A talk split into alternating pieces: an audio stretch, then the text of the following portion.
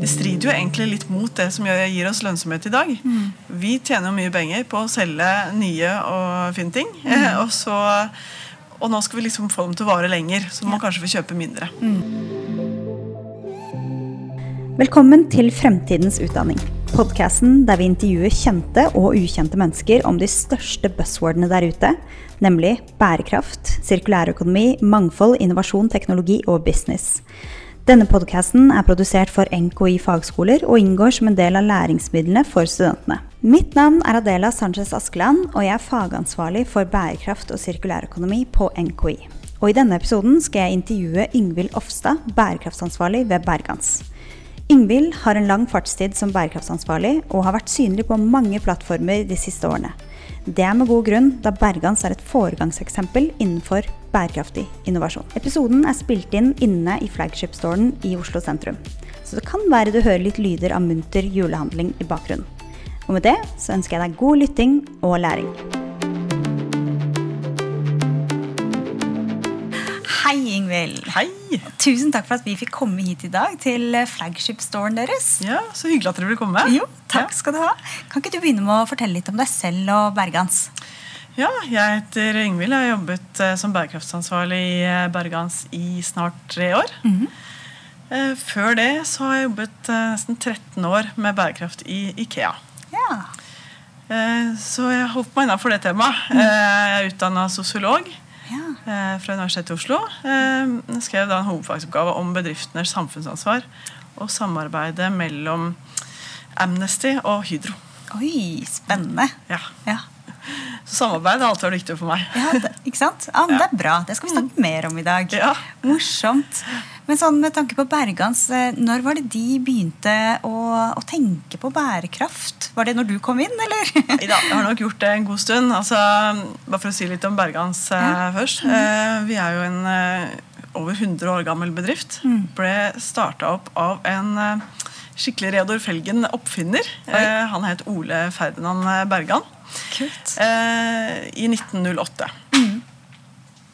Eh, og han eh, han var faktisk eh, sykkelrapportør, eh, og, men han var veldig ivrig jeger. Mye ute på, eh, på tiurjakt. Og gikk rundt med en pose på ryggen og hadde disse døde fuglene i. Og så irriterte det han, fordi det var, eh, det var tungt på skuldrene, og, og de der klørne satt i ryggen hans. Så da bøyde han noen kvister eh, og fant opp eh, bære, bærekonstruksjonen til eh, den moderne ryggsekken.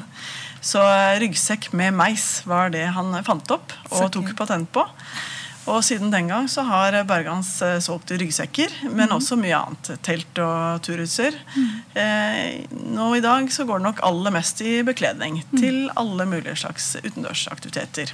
Ski og løping eller klatring eller kanopadling. Ikke sant? Ah, spennende. Så du kan si at eh, bærekraftsarbeidet Bergans Vi selger jo produkter som skal brukes ute i naturen. Så uten en eh, fin og frisk natur eh, med turstier, fjelltopper å bestige og rene hav å padle i, så, så mister vi litt eh, poenget med virksomheten vår. Så det å ha en fin natur å drive friluftsaktiviteter i, har alltid vært viktig for Bergans. Eh, og så kan du si at det mer strategiske bærekraftsarbeidet nok startet for tja, eh, rundt kanskje 10, eh, 10-15 år siden. Oi, ja. Eh, som jeg tror mange startet eh, litt, litt i det små. Med litt sånn miljøfyrtårnsertifisering og Ja. meldte oss inn i etisk handel og, og litt sånn Startet der i det små, da. Mm. Ja, men det er spennende. Da har dere holdt på en stund. Men hvordan vil dere si at dere jobber med bærekraft i dag? Så når man skal jobbe med, med bærekraft i hele verdikjeden, så er det viktig på en måte å starte fra, fra punkt én, altså designet av produktet. Vi må designe produktet slik at det varer lenge, med god kvalitet. Det er veldig veldig viktig. Eh, vi må også begynne å designe det sånn at de enklere kan repareres. Og det er viktig å ha med helt i starten av, av et produkts eh, liv. Og så er det jo viktig hvilke materialer vi velger. Det finnes det stadig vekk eh, eh, stadig flere Uh, ulike materialer man kan velge blant. Så er det resirkulerte materialer som polyester, ull og dun. Eh, og det er eh, plantebaserte eh, materialer og, og generelt eh, så må man ha et fokus på uansett hvilket materiale man velger, så er det alltid et eller annet uh, issue med det. Så man må sikre på alle mulige fronter. Det kan være dyrevelferd og, Ja. og kjemikaliebruk, ikke minst. Det er jo en, et viktig punkt i vår bransje. Vi, eh, vi jobber jo med teknisk eh, bekledning og impregnering, bl.a. Så det å finne gode måter å gjøre plaggene vanntett på, uten at det plager naturen, er også et viktig tema for oss. Så vet vi at eh, i tekstilbransjen generelt så er det produksjon av stoff som er det absolutt største klimaavtrykket vi har. Altså behandling, farging eh, av stoffene. Der bruker man mye vann, energi, kjemikalier. Eh, som kan nesten si at det er en 70-80 av avtrykket til et produkt skjer der. Ja. Så der er vi også nødt til å jobbe aktivt og finne eksempel nye måter å farge tekstilene på som har mindre påvirkning på bruk av vann og kjemikalier. Så det jobber vi også med. Så er det trelletransportbiten. Få, eh, få flyfrakta vekk. og få, eh, Det er lite flyfrakt hos oss, da, men, eh, men få det lille som er bort. Og heller ha fokus på, på, på tog og skip. Mm. Så er det når det kommer til produkt, butikken, da, så Ja. må vi også tenke litt på energibruk og sånne ting. Og så har vi kanskje i veldig mange år tenkt at der er eh, jobben gjort. eh, Produktet solgt, og vi er ferdig. Mm. Men de siste årene har vi eh, funnet ut at vi eh, i samarbeid med kundene kan få produktene til å vare mye lenger ved å tilby tjenester som forlenger levetiden til produktet. Ja. Som reparasjon, som innsamling og bruktsalg, redesign og også utleie. Ja. Spennende. Men er det det man kaller sirkulær økonomi? Noe av det? Ja, vi, vi jobber mye med sirkulære tjenester. Altså Når man diskuterer sirkulær økonomi i Norge, så handler det veldig mye om materialgjenvinning og resirkulering av ting som på en måte er avfall. Eh, men resirkulering av eh, våre typer skijakker og sånt er veldig vanskelig. De består gjerne av over 100 forskjellige deler. Og det er mange forskjellige typer materialer osv. Så, videre, så det er vanskelig å resirkulere. Eh, Så vi har heller lagt fokus på det å la dem få lov til å leve så lenge som mulig. Før vi må begynne å snakke om resirkulering av tekstiler. Ja. Det er ikke så mye av det i verden i dag heller. Jeg tror det er 1 av verdens klær som blir resirkulert til nye klær. Tenk. Så der har vi langt igjen å gå. Ja. Og for våre ting som er gode kvalitetsprodukter, så vil vi jo gjerne at de heller skal vare så lenge som mulig. Vi vet jo det at hvis vi får dobla levetiden til produktet, så halverer vi også CO2-utslippet som du kan regne på det produktet. da. Så det å tilby sirkulære tjenester, så må jeg si, holde dem i sirkulasjon Ja. før de blir til avfall, det er viktig for oss. ja, men Det er spennende. Har du lyst til å fortelle litt mer om de sirkulære tjenestene dere tilbyr her? Ja, Vi har jo på en måte skal si, hoppet med hodet først litt under, ut i sirkulærøkonomien og lansert veldig mange ting på en gang. Bortsett fra reparasjon, da, som vi egentlig har hatt uh, i alle år. Før i tida som vi hadde fabrikk eh, oppe i Jodalen, så kunne man alltid sende bergansproduktene tilbake til fabrikken, Ja. og de reparerte det der. Når vi flytta fabrikkene ut av landet, så beholdt vi en del av de folka som jobba på fabrikken, og lagde en egen systue på hovedkontoret. Så der sitter det nå en seks stykker og reparerer bergansklær på fulltid. Og mange som sender inn og gjerne vil beholde den gode, gamle anorakken eh, enda litt lenger. Mm. Men for fire år siden så åpnet vi vår aller første butikk. Vi selger jo egentlig stort sett gjennom forhandlere, altså XXL, Intersport, Sport1 osv. Eh, Men vi åpna vår første butikk i Oslo, og det ga oss en liksom, gyllen anledning til å også eh, både åpne en systue i butikken, sånn at den kom enda litt nærmere folk og kanskje ble enda mer synlig. Og også lansere disse andre tjenestene, som er da bruktsalg, eh, redesignprodukter og utleie. utleie. Så en fin eh, prøvearena for Ja. å teste litt sånne type tjenester. Vi merker jo at det er flere som har fått opp øynene for at vi har reparasjon, og som er litt sånn synlig ute blant folk. Mm.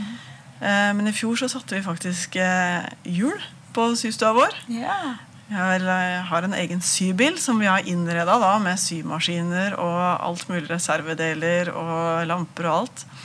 Som vi da reiser eh, Det er en elbil, selvfølgelig. eh, Reiser rundt i Norge med og reparerer litt folk der folk er. Ja.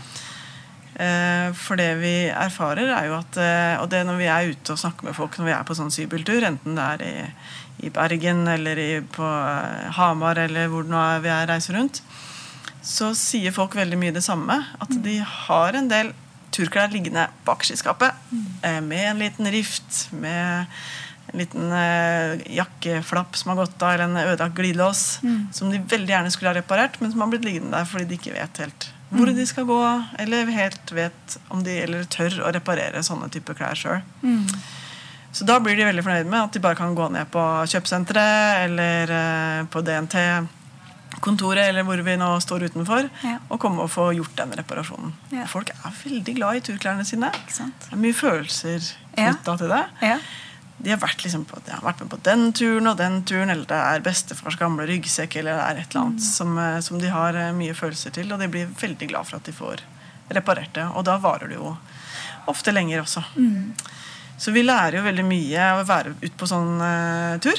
Vi får jo snakka med mye folk, og vi får se også hva slags type skader det er mye av. da. Og kanskje hvor glidelåsen ryker oftest og sånne ting. Sånn at vi kan også gjøre forbedringer i vår produktutvikling. da. Med at vi, Det gjør vi jo i en vanlig reparasjon også, men det at vi får produktene våre tilbake til reparasjon, gjør at vi lærer mer om dem sjøl også. Ja. Og ser hvor vi kan forbedre dem. Så det er jo også et viktig poeng. da. Kjempe. Ehm, så var det disse andre tjenestene. Det er jo veldig mange butikker nå som, som samler inn brukte klær. Så det, det gjør jo vi også. Um, men vi har jo ikke så mange butikker, som sagt. Så, så vi um, tenkte at vi lanserer en pantepose. Som folk kan da bestille på nett. Ja. Fylle opp med sine turklær og turutstyr og sende tilbake til oss. Ah. Og som takk for det så får de da en eh, 20% rabatt på sitt neste kjøp eh, i våre butikker eller på nett. Og vi får en masse brukte klær. Ja. Og det vi gjør eh, med de, det er jo veldig mye fint. Og både fint og nytt og fint og gammelt som folk sender inn. Så det vi gjør, er at vi går gjennom og sorterer litt og ser på kvaliteten. og, og sånt nå. Det som er bergansprodukter, beholder vi. Det som ikke er bergansprodukter, det gir vi bare videre til UF.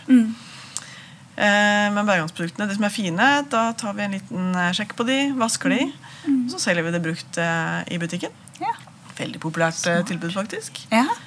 Det som da ikke vi syns vi kan selge, som enten er for ødelagt eller eh, for møkte, eller sånt, det prøver vi å sy en liten redesign-kolleksjon av. Ja. Så en eh, gammel skalljakke kan bli til en eh, veske.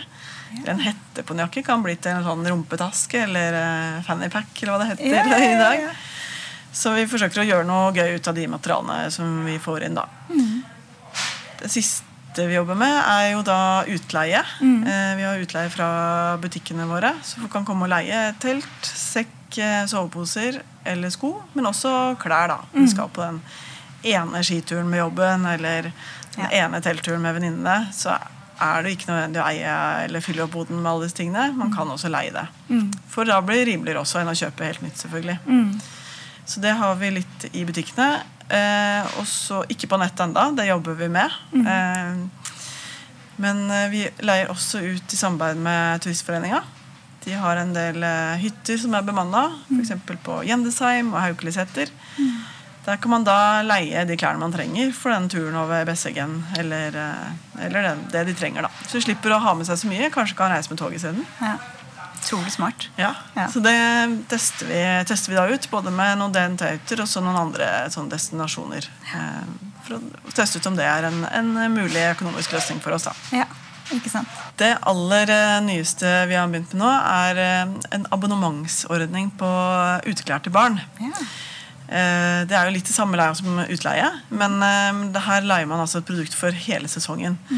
Så barnefamiliene får en parkdress på døra om eh, høsten. Og så bruker barnet den parkdressen hele vinteren og sender tilbake til oss. Får en annen dress for litt om vår og høst. Og så en ny en til vinteren igjen. Eh, sånn at det, plagget vokser med barnet. Ja. eh, Uten at du trenger å eh, legge det ut. eller sånt. Når vi får det inn, så, så vasker vi det, imponerer det kanskje, reparerer litt. Og så leier vi det ut til neste barn. Smart. Ja. Det er en stor fordel for barnefamilier. Det koster veldig mye med disse klærne. Så det å på en måte ha et abonnement eh, gående isteden kan være økonomisk lønnsomt for dem. Og så håper vi også at det blir økonomisk lønnsomt for oss på sikt når vi får opp eh, volumet på, på abonnementet her. Mm, absolutt. Ja, nei, Det er noe jeg virkelig ville gjort. Hadde jeg hatt den muligheten når jeg hadde små toddlers. Ja, for Man kjøper jo ofte for store klær, Ja. og så går de og vasser de til de blir altfor små. Så Ja. det handler om å kunne ha et produkt som faktisk passer til den eh, størrelsen eh, de har, sånn at de kan leke og bevege seg fritt i, i, ute, som de jo skal. ja. Nei, Det skjønner jeg veldig godt. Mm. bra. Men i alle disse tiltakene her, eh, blir det butikk av det? Ja, Det er et godt spørsmål. For du kan si at uh, disse, disse tjenestene de strider jo egentlig litt mot det som gir oss lønnsomhet i dag. Mm. Vi tjener jo mye penger på å selge nye og fine ting. Mm. og, så, og, nå skal vi liksom få dem til å vare lenger, så må ja. kanskje vi kjøpe mindre. Mm. Samtidig så må vi tørre å løfte blikket litt framover. Um, både på liksom planetens tilstand. Vi vet at vi må endre forbruket vårt hvis mm. det, vi skal ha en uh, levelig planet å, å bo på. Mm. Og så tror vi uh, også at dette er noe som kommer mer i framtida. Vi har sett det i andre bransjer. Mm. Vi kjøper ikke CD-plater lenger. Vi begynner å leie sykler og sparkesykler og biler osv. Delesamfunnet er liksom litt på vei inn. Mm. Og vi tenker det at uh, Selv om disse tjenestene kanskje ikke er lønnsomme for oss i dag, mm. så kommer de til å bli det på sikt. Fordi eh, forbrukerne kommer til å kreve det mer og mer, og da må vi være klare. Ja. Og den beste måten å bli klar på er rett og slett å teste ut disse her eh, tingene i praksis. Ja. For det er da vi lærer hva er alle hindringene, hva er alle fordelene, hvordan må vi tilrettelegge både vask og håndtering og transport og, og ikke minst regnskapsføring mm. på alle disse tingene. Ja. Eh, som er en helt ny måte å tenke på, særlig når det gjelder utleie. Mm. Eh, for ting kommer plutselig tilbake. Ja.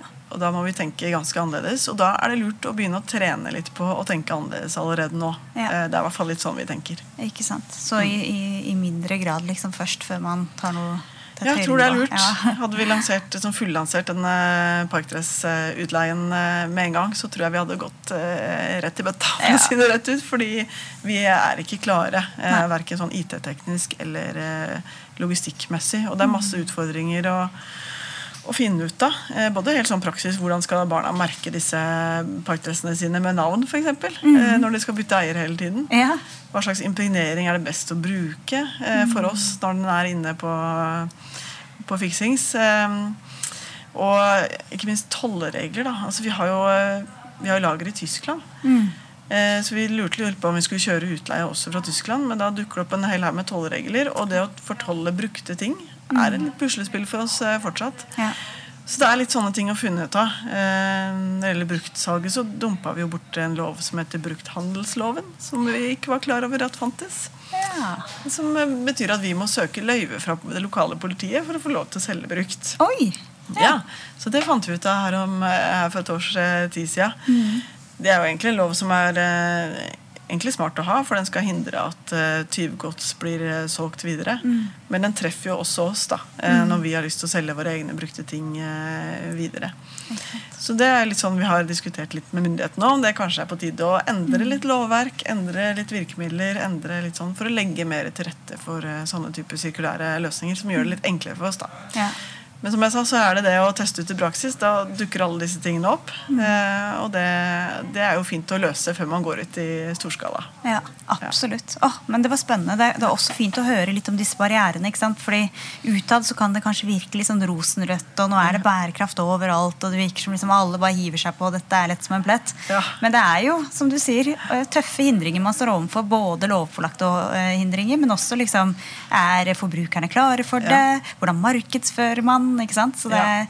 det, er kjempefint. Ja, det er mange ting å sette seg inn i. Og jeg tror både, både det å få det til internt, altså hvordan skal vi liksom rigge oss til med, med lagerføringen inn og ut og alle disse praktiske tingene. Mm. Um, og også prøve å pushe myndighetene litt. På, mm. Nå kommer det jo en ny sirkulær økonomistrategi om ikke så mm. lenge, så vi er veldig spente på hva den inneholder. Følger også veldig nøye med hva som skjer i EU ja. og Sverige, som mm. er liksom litt tidligere ute enn oss. Mm. Så vi, vi, ser jo at det er en del krefter som rører på seg. Kanskje blir vi eh, lovpålagt til å tilby reparasjon, og da er det jo veldig greit å ha, ha det klart. Ja. Sånn at, eh, og så er det det med som du sier med, med markedet. Da er liksom folk klare for å begynne å leie istedenfor å eie. Mm. Ja, på noen områder så er vi det. Og det er jo helt eh, greit å låne ski og bowlingsko eller sove i brukte sengetøy på hotell. Mm. Men det er noe med det å ja, Kan jeg ha på meg leide klær i, i skog, på skogturen min eller på fjellturen min? Ja. Kan jeg leie et eh, veldig god, godt kvalitetstelt framfor å kjøpe et billig som jeg skal kaste? Og, mm. eh, vi ser jo at det er enklere å leie ut disse produktene, da, altså telt mm. og, telt og ryggsekker og sånn, enn det er å leie ut eh, klær. Det er nok litt tettere på folk. Ja. Um, Men vi tror jo at, vi ser at det skjer en endring, og vi tror også det vil komme en, en, måte, en slags kulturell endring da, på, på, hvordan man ser eh, på de produktene man har. Mm. Kanskje man skal ha det digitale klesskapet da, ja. istedenfor å ha det fysiske og fullt i boden, som jeg sier. Ja, ja, ja. ja absolutt. Men sånn, eh, med, med, tanke på alt det her, og utleie og, og, sånne ting også, samarbeider dere med noen aktører?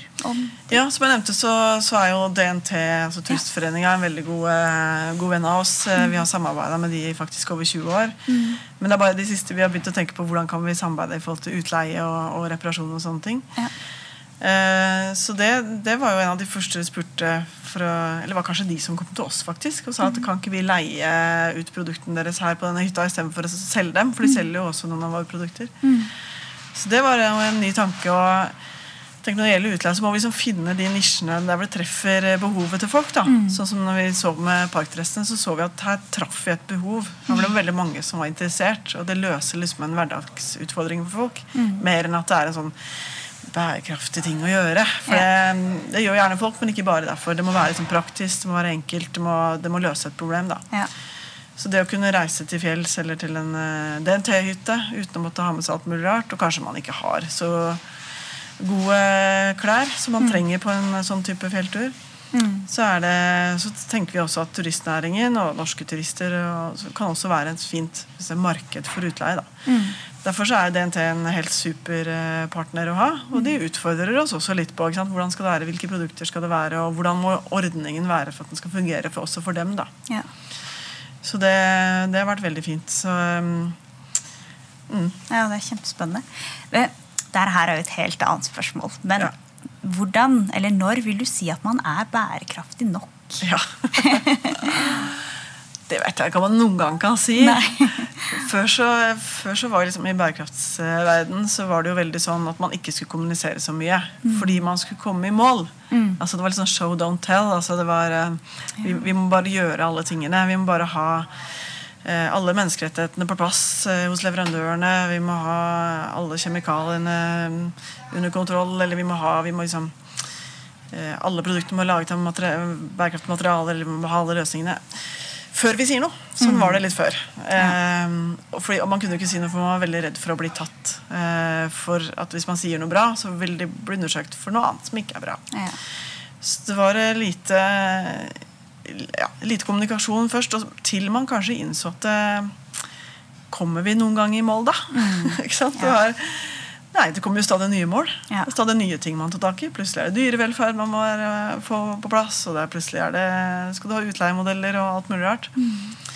Eh, stadig nye krav fra myndigheter osv. Så, videre. så man kommer jo egentlig aldri i mål. Mm. Og jeg tror det var på et eller annet tidspunkt at man begynte å skjønne at ok, vi, vi, får jo fortelle om det vi gjør. da. Og så får vi fortelle at vi ikke er i mål, og at vi kanskje ikke kommer i mål, men at vi har satt oss noen mål. Ja. Og vi er på vei i den retningen. Ja. Eh, så jeg vet ikke om man noen gang kan si at man er bærekraftig nok. Man kommer nok aldri i mål. Det er et evig, evig arbeid, og man kan ja. alltid finne måter å forbedre seg på. Mm, Selv de som er superflinke, har masse igjen. Ja, det er det. Og da er det viktig å være ærlig om det. Ærlighet. Absolutt. Ja. Men sånn, eh, litt sånn avslutningsvis eh, For våre studenter de skal jo enten inn i arbeid kanskje med, i varehandelen selv, eller kanskje de jobber et sted, eller skal inn i en stilling som deg selv. Mm. Eh, har du noen tips, råd til eh, hvordan de kan begynne å omstille seg? Ja, det er et godt spørsmål. Eh, det er litt sånn som eh, etisk handel pleier å si. Da. Du må kartlegge verdikjeden din og mm. gjøre liksom, de kaller det aktsomhetsvurdering eller risikokartlegging. Mm. Men det der å få et overblikk over hele verdikjeden din og prøve å finne ut litt hvor er de største avtrykkene dine. Både på det sosiale. hvor er det det er flest mennesker som jobber i verdikjeden din. Mm. Hvilke land er det mest risikofylt eh, å være i, kanskje? Mm. Hva slags materialer er det mest problemer med? Eller er det det at eh, produktene våre ikke varer lenge nok? Bør vi se på kvaliteten? Altså det er Få litt sånn overblikk over mm. verdikjeden. Både bakover verdikjeden, men også forover. Da. Hva kan du gjøre sammen med forbrukeren? Mm. Og så plukke ut de tingene hvor du ser at uh, både det er størst utfordring, men også hvor du kan gjøre mest. da. Mm. Uh, ha en mest uh, påvirkning på å gjøre noe positivt. Kanskje starte litt med de der, lavthengende fruktene, som det heter. Mm. Komme litt i gang med de små tingene. Og, og søk samarbeid. Altså, det er masse flotte aktører som kan hjelpe deg. Etisk handel har jeg allerede nevnt, men altså, vi hadde ikke klart å jobbe så godt som vi gjør med verdikjeden hvis ikke vi hadde fått uh, god veiledning fra dem. Mm. Det uh, fins en hel del nettverk uh, å være med i. Virke kan være en god hjelp. Ha har mye kompetanse. Mm. lett å starte. Miljøfyrtårn kan være et sted å starte. Mm. Så, så, så, søk hjelp og ring, ring konkurrenten, da. Mm. Det gjorde jeg når jeg begynte i Bergans. Som er en litt annen måte å jobbe på enn vi jobba i Ikea. Fordi Ikea gjør jo mye av det arbeidet vi gjør i Berghans gjør, gjør jo, gjøres jo i Sverige eller mm. i andre land. Så det hadde ikke jeg jobbet så mye med. Tett på verdikjeden eller på produktutviklinga. Så jeg plukka opp telefonen og ringte rett til Warner. Og sa hvordan, hvordan har dere jobba med dette? Kan dere gi meg noen tips? Mm. Eh, snakka med Hennes og Maritz. Eh, snakka med andre bærekraftsfolk i andre steder. Og det er det som er fint med egentlig, hva skal jeg si, dette bærekraftssamfunnet, om jeg kan si det sånn. Ja. Vi er, eh, kjenner hverandre. Vi møtes på de samme seminarene. Vi er mm. med i de samme nettverkene. Um, og blir godt kjent og jobber i de samme prosjektene. altså Det dreier seg om mikroplast eller um, fluorkarboner. Så er vi, jobber vi sammen med alliansene, vi jobber sammen med Stormberg og vi jobber sammen med, med de andre i bransjen mm. om de store spørsmålene. Mm. Så her vil jeg anbefale bare å plukke opp telefonen eller sende en e-post eh, ja. til en, en, du kjenner eller ikke kjenner, og mm. få litt råd og vink. Og det siste rådet er eh, kanskje litt sånn som vi gjør. da, Test ut i praksis. Mm. Ikke sitt altfor lenge på, på, skrivepulten med lange strategier og svære Excel-ark hvor man prøver å regne ut hvor lønnsomt dette er. Mm. Men, eh, men, men, test ut i småskala. Start, eh, start smått og lær fort, mm. som jeg pleier å si. Ja. For man lærer fryktelig mye av å rett og slett prøve ut løsninger i praksis. Da, da kommer alle, alle, problemene opp, så man får funnet fram eh, til løsninger på dem. da. Ja, ikke sant? Mm. Ja, men Det er en veldig smart måte å tenke på. Ja. Takk. Eh, men sånn helt avslutningsvis, eh, hvor kan vi finne dere? For de som har lyst til å lese mer eller høre mer om Bergans? Ja, altså Nå sitter vi jo i flagship-butikken vår eh, som er rett ved rådhuset i Oslo. Ja. Så der er vi jo fysisk til stede. Mm -hmm har vi butikker også i, i, Bergen og i Tromsø og på Ski storsenter. Mm. Og outlets på, i Ålesund og Stavanger. Ja. Ellers er vi jo på de vanlige kanalene. Altså på, vi har jo en nettside, selvfølgelig. Ja. Eh, Bergans.com. Mm. Og på de sosiale kanalene. Altså Facebook og Instagram og Twitter og LinkedIn. Så Oi, det er bare å søke oss opp. Ja. Eller kanskje du møter oss på sybiltur en ja, gang. Ikke sant? Det er kjempebra. Og det finner man informasjon om på nettsidene? og sånn, ja. eller? Ja. ja. da, vi er på nettsidene. Den har ikke noe fast program, så den er litt uh, hopp og sprett. Og vi er av og til på noen lengre turneer også. Mm. Uh, da står det på nettsidene. Eller så er det å følge med på Facebook, tror jeg vi er mest. Ja, mm. Kjempefint. Ja, men tusen takk skal du ha, Ingvild. Jo, bare hyggelig. Hadde du turt å ta kontakt med din største konkurrent om du hadde startet som bærekraftansvarlig i et nytt selskap? Jeg håper du likte denne episoden av Fremtidens utdanning og fikk noen interessante tips til do's and don'ts. Vi snakkes!